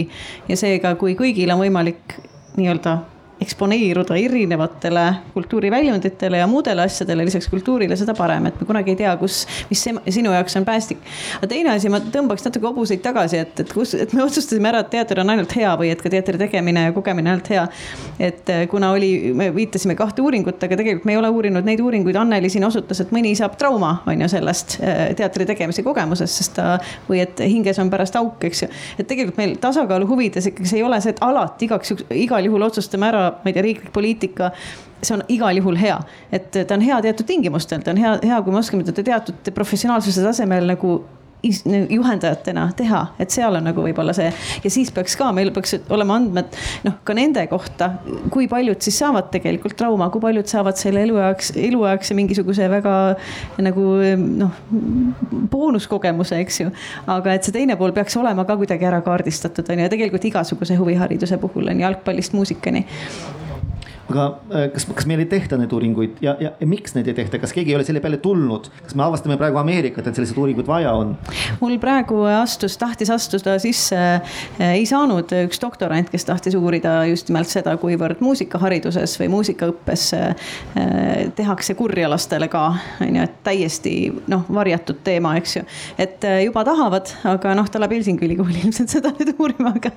aga et ja, et ma arvan, et see, me tahame sellest nagu vähem rääkida, et see ei ole, küsimus ei ole selles, ma veel kord ütlen, väga hea, kui meil on, mida rohkem, seda uhkem, eks ju, kõiki neid erinevaid suundi. aga lihtsalt, et seda tehes meil peab olema professionaalsus, kuidas käia ringi lapsega, et noh, et, et ainult see, et noh, mul on, noh, mul on soov saada, teha hea tükk, on ju, sa oled mu vahend, on ju, et see ei tohiks ei täiskasvanute ega, ega laste puhul olla öö, norm. Maria, kuidas sinu vaatest äh, meil olukord äh, võimalustega kõigil Eesti lastel ise teha teatrit või saada teatrikunstist osa vaatajana? Äh, mõlematega on kitsas, et, et selles mõttes, et, et jah, et ju vanalinna hariduskolleegiumis on samamoodi, et katsete alusel saadakse sisse, kuigi kui mina katseid vaatan, siis ma hea meelega õpetaksin neid kõiki. et ei ole sellist tunnet, et sellest inimesest ei saa midagi, et kui inimesel on huvi ja tahe, et siis ta juba, siis tal on ka see anne, ma ise isegi arvan, et see tahe on üks ande olulisemaid asju ja et kui see tahe on hästi suur, siis ta õpib, ta areneb väga palju selle kolme aastaga ja mul on tegelikult väga kahju, et need inimesed, kes sisse ei saa, ei saa seda võimalust. aga aga samal ajal äh, ja vaatamise koha pealt on niimoodi, et äh, ma praegu olen muusika, kunsti ja kinoklassi klassijuhataja mm, koolis ja sealt käisime teatris ja selgus, et äh, kakskümmend inimest vist käisid esimest korda teatris, kümnendas klassis et, et sellist, kuigi on väga kultuursetest perekondadest, aga siis on, ongi näiteks suunanud siis muusikale või kunstinäitustele või kuskile mujale, ühesõnaga, et mis on kättesaadavam lihtsamini, et, et teater tegelikult on suhteliselt elitaarne, arvestades ka piletihindu ja nii edasi, et see võiks olla küll, ma arvan, noortele kuidagi kättesaadavam. pluss siis klassijuhataja töö, mis on siis puhtalt entusiasmil põhinev äh, selles osas, et kui sa kuhugi nendega lähed, et see sõltub siis jälle klassijuhataja sellisest äh, energiatasemest, et kuhu minnakse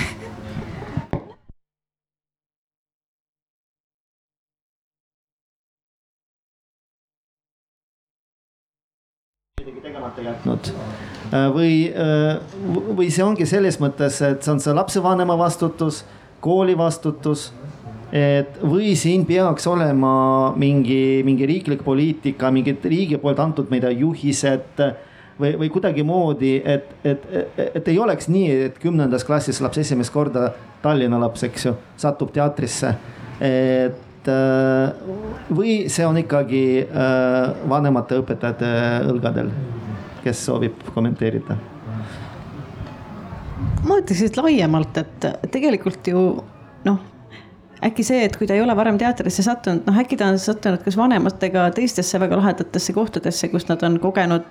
maailma näinud, eri maailma nägevusi, mõtelnud sügavuti asjade üle. et oluline on see, et oleks see koosolemise aeg ja kui sa ikkagi võtad oma elus suure osa aja, noh ikkagi aja, et olla koos nende lastega sel ajal, kui nad veel lapsed on, on ju. ei ole võib-olla vahet, mida sa teed, vaid et, et sa teed neid asju, teater lihtsalt on tõenäoliselt koht, kus saab kogeda maailma hoopis teistel viisidel kui kusagil mujal, on ju.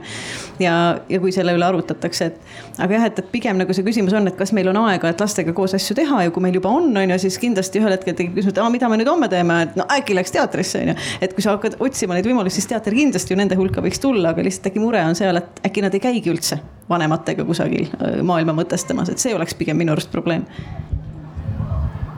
ja, ja omalt poolt võib-olla mainiks ära nagu riigi poole pealt, et jah, ma tõin välja kool ja lapsevanemad, aga no riigi jaoks on kindlasti ju selline oluline asi, mille eest riik ju seisab siin, on seisnud ja seisab edaspidi palju ja sisuliste tegevustega on ju vaimse tervise temaatika. et kui riik kujundab nagu neid suundi, siis on kindlasti nagu eh,, nagu siis kultuur ja selle all teater ja, ja, ja, ja siis teatrikunst, eks ole, sellega seonduv ja selle nagu plussid-miinused, mis tegelikult aitavad ka toimetulekul nagu ja siis selle vaimse tervise alalhoidmisel. et, et riik saab kujundada vastavaid poliitikaid, et, et kui me oleme nüüd üle tulnud moodsamasse aega ja väärtustame rohkem vaimseid väärtusi, vaimse tervise heaolu, siis see teatrikunsti hindamine käib ka kuskile sinna alla kindlasti aitäh teile nende väga oluliste tahkude eest sellel teemal. nii, aga nüüd meil on mõni aeg äh, anda sõna taas publikule. saab äh, küsida, saab kommenteerida ja siis saab ka peegeldada neid küsimusi ja kommentaare. palun. noh, näed, noormees saab nüüd lõpuks sõna. tervist et äh, rääkisite siin vastutusest, et äh, siin vanemad ja kool ja, aga kui palju mõjutab äh, meil tänapäeva nutimaailmas siis tõesti tegelikult sotsiaalmeedia sisuloojad noorte nagu teatris käimist ja niimoodi? ja aitäh, väga oluline teema, mida me ei puudutanud. palun, kes soovib vastata? väga hea küsimus, kes teab midagi ma nii palju tean, et äh, ma ei ole tähele pannud, et tähelepanuvõime teatrit vaadata oleks langenud või teha mingeid asju. ma ise olen selle üle nagu mõtisklenud ka, et kas on nagu kuidagi nende kahekümne aasta jooksul midagi muutunud noortes, aga tegelikult äh, on huvitav minu arust see, et noored on isegi kiiremaks läinud mingis mõtlemises, aga mitte selles mõttes, et nad ei suudaks vaikselt olla ka sama kaua kui kakskümmend aastat tagasi. Äh, vähemasti need noored, kes tulevad teatriõppesse, suudavad äh, neid asju kõiki teha, suudavad vaadata rahulikult teisi. ma ei oska öelda, ilmselt võib-olla on siis sattunud kuidagi väga head perekonnad, kes valvavad selle järele, aga, aga need ikkagi minu arust panevad nad erinevatesse kategooriatesse, need äh, nutimaailma ja teatrimaailma. ma muidugi juhin tähelepanu, et Maria Valim ei ole representatiivne et sinu juurde satuvad ikkagi väga mõnes mõttes äh, jah, need, kellel veab, on ju heas mõttes, aga jah, et, et äh, see on, et tegelikult ongi, et, et tege, meil on ju vaja noh, vaheldusrikkust on ju, et kui teat-, teater oleks rohkem nagu jõuline alternatiiv muude muude tegevuste hulgas, muuhulgas nutitegevuste hulgas, siis see lihtsalt selles mõttes mõjuks ilmselt lastele hästi, et ta paneb tegema selle aju teistsuguseid asju selle asemel, et, et olla võib-olla lõviosa ajast nutiseadmes. et ja sel ajal, kui ta seal teatris on, on ju, ta ei saa olla, on ju, aga kui ta samal ajal muidugi, kui ta on ikkagi sõltuvuses, on ju, et ta tahab olla seal nutiseadmes samal ajal, et, et siis jah, siis ilmselt teater, teatril on raskem tema jaoks äh, jõuda domineerivaks huviobjektiks, kui ta on juba enne sattunud võrku on ju, nutiseadme võrku. aitäh. Äh, tead, mis ma hakkasin praegu mõtlema, kellelgi oli käsi praegu siin? ei olnud vist praegu, et ma küsin sellist asja, mis ma hakkasin, jah, kohe hakkasin ise mõtlema, et äh, sel ajal, kui mina teatris töötasin, et millegipärast äkki Grete, sa oskad seletada. teatritükid lastele olid oluliselt pikemad, kui nad nüüd on. et või see on lihtsalt minu tunnetus selline, et või see on kuidagimoodi seotud millegagi aga lihtsalt praegu lihtsalt selle mõte tekkis, äkki on rumal mõte, aga rumalat mõtet ei ole vist olemas. Eduard, Eduard, sa oled lihtsalt vana ei, tegelikult ma tahtsin öelda seda, ei, kui sa objektiivselt, kui sul on andmed, et kui pikad nad olid keskmiselt nüüd ja praegu, kui seal on erinevus, aga noh, tõsi on see, et mida vanemaks me saame, et seda kiiremini aeg läheb.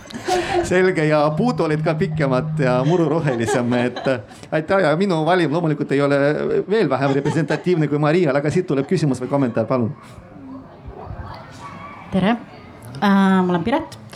ja võib-olla selle, mul ei ole ka head valimit, on, on ka mingi arvamus, et äh, olen ka teatriga seotud olnud, olen Vat-teatris haridustöötubade läbiviija aga pigem on siis etendustel jäänud mulje, et võib-olla see on seotud lihtsalt nutiseadmete kultuuriga ja võib-olla mingid aastad tagasi, kui need nutiseadmed olid nagu uuemad, oli olukord halvem, et nüüd kuidagi see on kultuur on nagu ära õpitud, kus ma siis lülitan välja ja kus ma nagu vaatan seda seadet, noh sõltuvus on juba nagu, nagu teine level, et sinna peade sisse muidugi ei näe, et noh, näed, et osad vahepeal vaatavad ja toimetavad, aga aga see selleks, pigem võib-olla isegi see mõte, mis mul arutelu juures tuli või midagi, mida ma võib-olla on jälle täiesti taju tasandil, on, on see, et peale võib-olla seda pikka nagu Covidi lõppu osades töötubades, kuna jälle saadi kokku juba see asi oli ja tihtipeale need haridustöötuba on peale etendust, nii et tulevad veel värske emotsiooniga siis sinna töötuppa eesmärgiga siis seal omakorda analüüsida, jagada oma mõtteid ja ideid. siis tundus, et kuidagi see, et see ei ole ekraani vahendusel saadav kogemus lõi nagu eriti nagu kuidagi selle emotsiooni teinekord veel nagu tugevamaks või eredamaks et ma isegi ütleks jah, et pigem see teater on nagu vahel väga värske sõõm vett äh, ja, ja just sellepärast nagu toimub teinekord nende jaoks palju intensiivsemini, sest see et see ekraan ikkagi nagu noh, on hästi selge, et see on ekraanimaailm, see on päris maailm, on ju. aga teatrisse korra võib isegi lüüa nagu asjad väga sassi nende jaoks, sest need on ju päris inimesed, aga see on nagu teatrikeel ja nii edasi oleneb lavastuse formaadist, eks ole. kui palju seda seina selle näitleja ja publiku vahel on, et, et siis veel rohkem vahel et äh, ja, ja veel hea asi ikkagi noh, tuues veel positiivseid asju, et ikkagi Eestis suurte teatrite juures on sellised asjad nagu haridust ja haridustegevuste juhid kes tegelikult mõtestavad just seda, et kuidas peale etendust need noored siis saaksid oma mõtteid jagada ja mõtestada seda kogemust, mis nad sealt said, nii et äh, ma arvan, et neile suur aplaus oleks täiesti omal kohal. Eduard, üks lühike kommentaar. ja palun et sellest püstitatud äh, olukorrast sai just võis välja lugeda, et kas ei ole konflikti nüüd nutimaailm ja teater, kas nad teineteist kuidagi konfliktivad. mina oma pikast kogemuses ütlen ja igapäevasest kogemusest, et ma ei taju peaaegu üldse teatripublikus seda, et see, et see on kuidagi nutipublik või et see on nutiinimene ja, ja et on tavaline. ehk teisisõnu, ma arvan, et kui seal konflikti püüda näha, siis see on mõistlik nojah, siin on ilmselt vastus tuleb jah sealt, kui me seda ikkagi uurime, et üks on see, et kuidas meile tundub, aga minule näiteks tundub, et valge suhkur on õudselt hea et noh, et seal ongi, et ma olen nõus ja võib-olla see vanus on ka selline, võib-olla see tegevus on nii haarav, aga noh, et, et selleks, et teha üldistust on ju, et, et meil, meil on vaja veel, veel andmeid ja teistsuguseid andmeid. ma mõtlen siin Heljo või Pireti kommentaarile on veel no ma ei tea, ma võib-olla mainin selle ära, et see oli nagu kindlasti hea point, et äh, mida rohkem siis teatrite juures olevad haridustöötajad panustavad etendusjärgsetele vestlustele. noh, kui see ei ole päris selline voorumteatri vorm või midagi sellist, et on sul võimalus nagu pärast veel nagu arutada ja sinu nagu enda saatja või juhendaja ei kammitse seda kuidagi, et, et tekib selline tõeliselt nagu elav, elav arutelu nagu siis veel selle järel, et ma arvan, et see on nagu eriti korda läinud teatriõhtu ühe noore jaoks.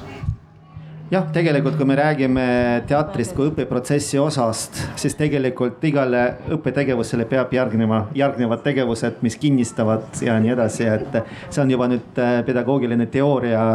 mida võib-olla Grete minust teab paremini, et äh, aga märkamatult on äh, üle kaheksakümne minuti mööda läinud, et ma pakuks nüüd teile kolmele lugupeetud eksperdid, panelistid, arutlejad, võtta oma sõnadega kokku see arutelu, mis te omavahel rääkisite, mida mina siin etendasin ja, ja publikust tulid mõned kommentaarid, et paari minutiga igaüks teist võib-olla võtaks kokku, võib-olla alustame. Steven, Krista, sinust ei, ma arvan, et kui ma siia tulin, siis ma ei teadnud, kuhu suunas me ikkagi täpselt, kuhu me jõuame, kuhu suunas liigume, kuhu jõuame aga nüüd äh, see oli nagu tegelikult äh, vähemalt minu kui panelisti jaoks nagu väga hea jällegi selline isiklik pilguheit nagu sellesse, mis on olnud ja, ja ka nagu sellele, mis ja kuidas võiks edasi olla. et, et vähemalt ma tean, et või ma sain kinnitust, et sellele nagu mustrile, mida ma ise läbinud olen, et, et see, et, et kui sa oled nagu äh, kuidagi otsapidi teatriga seotud, tuleb see kindlasti nagu äh, edasises elus äh, kasuks. Ja ma arvan, et võib-olla nagu see, mis nagu tänasest kõrva taha panna, on, on, on kindlasti nagu kõigile neile, kes vähegi saavad viia sõnumit nendeni, kes tegelevad laste ja noortega, kes vastutavad nagu nende teekonna eest teatri juurde ja, ja, ja, ja, ja üldse nagu mis iganes seose eest seo, seonduvalt teatriga, et, et, et nagu, et, et see on vastutusrikas teekond, et, et, et seda peab kindlasti äh, väärtuslikuks pidama. me peame ise hindama kindlasti ja motiveerima neid inimesi, kes, kes inimesi hoiavad ja toovad nagu selle, selle juurde ja võib-olla siis ka siit see riigi teema, et, et kindlasti tasub alati ka nagu äh, siis nagu riiklikul tasandil sellele valdkonnale tähelepanu pöörata ja, ja kui alati on nagu mingid ohud, et, et kuskil äh, teatrivaldkonnas eh, nagu siis eh, muudetakse mingeid poliitikaid, et, et mingid teatrid või mingid loomingulised kollektiivid ei ole ühel päeval enam vajalikud et, et siis ei unustataks selle juures ära, et, et, et nagu see kindlasti selline sõnum ei tohiks jõuda noorteni, et, et nendega tuleks kogu aeg jätkuvalt tegeleda. et ilmselt noh, Paide peaks seda kogemust ise kõige täpsemini teadma, mida tähendab see, kui, kui teater lukku pannakse ja kui nagu teatri teema suhtes on väga mitmeti tõlgendatavad sõnumid. aitäh, Maria ja ma võib-olla võtan selle kokku niimoodi, et ähm, äh, ja ma kusjuures siia tulles mõtlesin, et tõesti ei ole tehtud ühtegi uuringut selle kohta, draamaõppe mõju kohta vist äh, noortele, et seda võib-olla peaks tegema. aga, aga, aga siis äh, ma käisin üleeile äh, Võrumaal, oli Priit Strandberg juhendab ühte Jakob Mäe teatristuudiot ja Priit on kunagi ka Vanalinna hariduskolleegiumist, ta kutsus tegema teatriringi ja seal oli seitsmes ja kaheksas klass ja tegelikult ma olin hästi ärevil nagu seal laagris, et seitsmes-kaheksas, et need, ma ei ole nii kaua sellises vanuses inimestega teinud midagi ja olin põnevil, et mis saab. Ja ma tegin poolteist tundi nendega harjutusi ja mänge. ja ma vaatasin, et nad on natukene sellised pelglikud veel teineteise suhtes, kõik omavahel ei tundnud ja siis on üks selline hästi ilus äh, rühmamäng, mida ma tavaliselt teen küll üheteistkümnendas klassis, kui inimesed on juba poolteist aastat käinud äh, teatrikoolis, et äh, ja on sellised pinged tekkinud. et, et võetakse ringi, kõik hoiavad kätest kinni siis üks inimene jääb nagu fookusesse ja vaadatakse teda ja suunatakse talle ainult positiivsed mõtted, positiivsed ja head mõtted, neid leitakse kogu aeg juurde, kas välimusest või sisemusest või mälestustest või mis selle inimesega seostuvad. ja natuke aega vaadatakse tema, tema vaatab kõik, kõikide, kõiki vastu ja siis ma teen plaksu ja hakatakse vaatama järgmist inimest, selles on veel selline reegel, et rääkida omavahel üldse ei tohi, naerda võib, nutta võib, kõik emotsioonid on lubatud ja need emotsioonid kõik esinevad selle harjutuse ajal. Ähm, ja see, milliseks nad muutusid selle harjutuse käigus, et see oli lihtsalt äh, noh, imeline, et nad olid äh, ülimalt, ülimalt äh, rõõmsad, osad naersid laginal, osad nutsid pahinal. ühesõnaga, et ja, ja see, et nad tundsid, et nad tegelikult on hästi hoitud selles ringis. et äh, ma arvan, et see ongi see mõte, milleks üldse seda äh, teatriringi võiks teha. ja lõpuks ma küsisin kõigilt ka ühe märksõna, et mis neil sellest tunnist jäi ja siis kordusid sellised asjad, et usaldus, vabadus ja julgus vigu teha. Et need on sellised asjad, mis võib-olla siis võiksidki sellest no ühesõnaga selle mängu eesmärk võiks olla see, et inimene tunneb, et ta on harmoonias eluga, ühesõnaga midagi sellist ma võtaks kokku. aitäh, Maria, Grete, palun! Um ma ütleks ühe asja, mis võib-olla puudutab lapsevanemaid, et kui kõik nüüd mõtlevad, et nüüd on pahasti, kui mu laps ei tee teatrit. siis tegelikult võiks mõelda nii, et iga tegevus, mis toetab neid samu täidesaatvaid funktsioone, on hea, et ta võiks teha midagi sellist. Ehm, on see muusika, on see taekwondo, on ju, või, või mis iganes muu asi. teater ilmselt muidugi seob hästi palju neid asju ühte punti lihtsalt, et ta on hästi kompleksne. et, et eks siis mõte on see, et midagi võiks teha. ja teine mõte, mis, et ma, ma, noh, ma tahan kindlasti öelda, ma tahan aitäh öelda oma kaaspanelistidele, te olite nii, nii mõnusad, nii inspireerivad, et näiteks see sinu mõte, äh, et äh, noh, et mida võiks riik teha, ma hakkasin ka mõtlema, et noh, minu jaoks on see, et mida võiks riik teha, on see, et, et tagada või püüda tagada, et iga üldse inimesi õpetav isik, eriti lapsi võiks teada, kuidas see psüühika töötab, et ka kõik need, kes teatrit juhendavad, võiksid teada esmajoones, kuidas psüühika töötab ja siis mõtleme, et issand jumal, riik, see olen ju mina. et äh, mulle tuli meelde, et ma töötan haridusministeeriumis ja mina pean nüüd sellega tegelema. aitäh tõesti ja mulle õudselt meeldis, Maria, see, kuidas sa ütlesid, et sa tahaks nad äh, vastu võtta sinna gruppi nagu tahte pinnalt ka. ja see on, see ongi nagu see, mida noh, teadus ütleb meile ka on ju, et tegelikult anne on tagajärg, on ju. anne on tulemus, et et kui tore, kui sa saakski kasvõi pooleks-pooleks on ju, et need, kellelt kohe paistab välja, on ju, on pooled ja võib-olla siis pooled võtta need, kellele praegu ei paista midagi, kes tahavad. võib-olla see ei ole alati õige, aga ei tea, proovida aitäh, ma äh, südamest äh, tänan meie tänaseid arutlejaid äh,, jurist ja teatrivaatleja Steven-Hristo Evestus äh, teatrilavastaja, teatriõpetaja Maria Peterson ja hariduspsühholoog Grete Arro. Äh, mina olen äh, teatrisõber ja riigikogu liige Eduard Odinets. tänan teid kõiki kaasa mõtlemast, kuulamast ja soovin imelist arvamust festivali. aitäh tulemast. selge see, et ega kõike kõike teha.